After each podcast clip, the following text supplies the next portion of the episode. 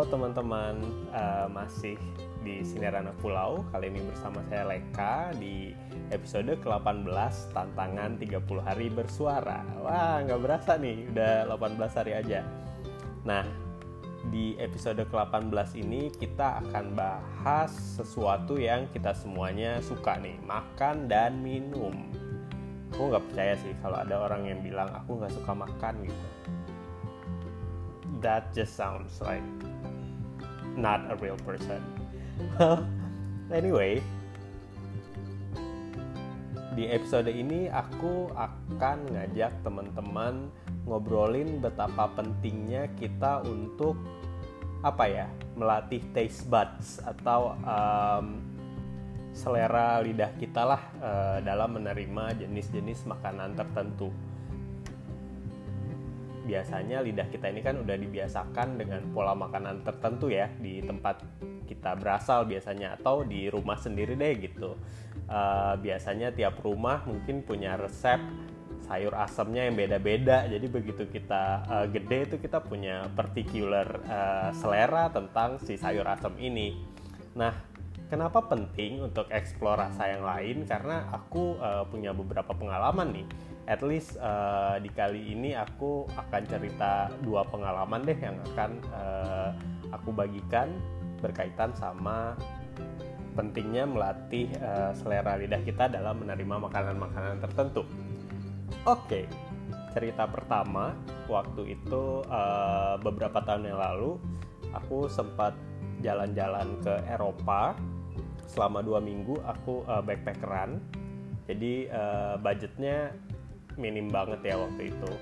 Nah uh, aku selalu tahu lidahku itu lidah Indonesia banget lidah Sunda dan Kalimantan banget gitu. Uh, yang senangnya sambal dan gorengan dan lalapan gitu. Ya anyway. Nah jadi selama dua minggu di Eropa ini aku uh, suffer teman-teman. Karena aku nggak biasa uh, makan croissant atau makan uh, roti-rotian aja gitu sepanjang hari. Tapi aku harus karena juga uh, bodohnya. Aku aku lupa waktu itu bawa uh, makanan di koperku. Jadi ya udah aku harus uh, makan di sana selama beberapa hari. Nah ketika sampai di Belanda dan di Belanda itu banyak banget kan ya rumah makan Indonesia akhirnya aku itu setiap saat aku makan makanan Indonesia terus teman-teman. Yang mana menurutku agak sedikit rugi ya ketika kita di uh, satu tempat tertentu tapi kita nggak nyobain makanan khasana gitu. Nah itu cerita yang pertama. Cerita yang kedua adalah uh, datang dari tanteku beberapa tahun uh, yang lalu juga aku itu uh, ngajak tanteku yang dari Kalimantan itu untuk jalan-jalan ke Jogja.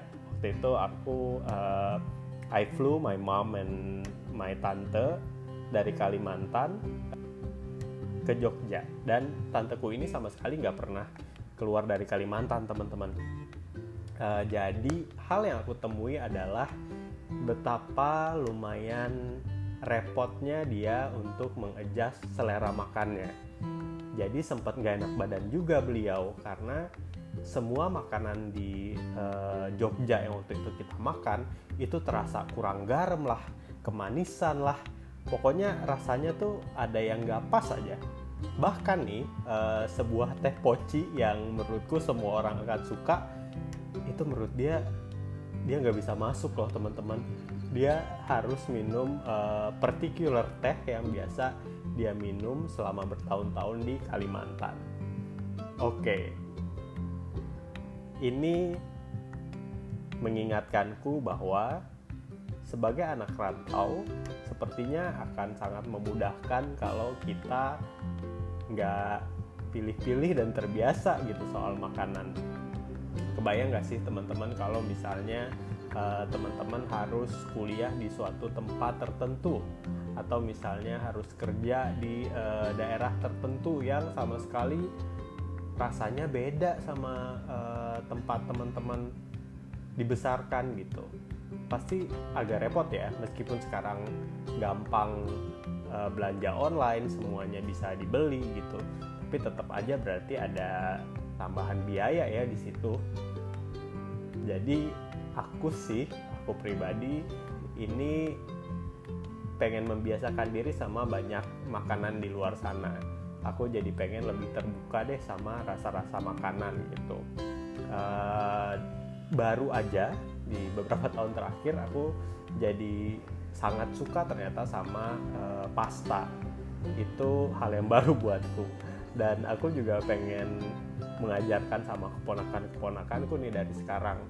Uh, untuk membiasakan diri sama makanan-makanan atau rasa-rasa dari daerah lain. Karena aku pengennya ketika mereka besar mereka itu bisa travel across Indonesia atau across the globe dan uh, bisa beradaptasi dengan baik dengan makanan dan minuman di tempat tersebut gitu. Itu adalah ceritaku di episode ini. Semoga kita nanti bisa cerita-cerita lagi di episode lain. Terima kasih banyak untuk mendengarkanku. Aku sekarang mau makan nih teman-teman. So again, thank you for listening and see you in the next episode.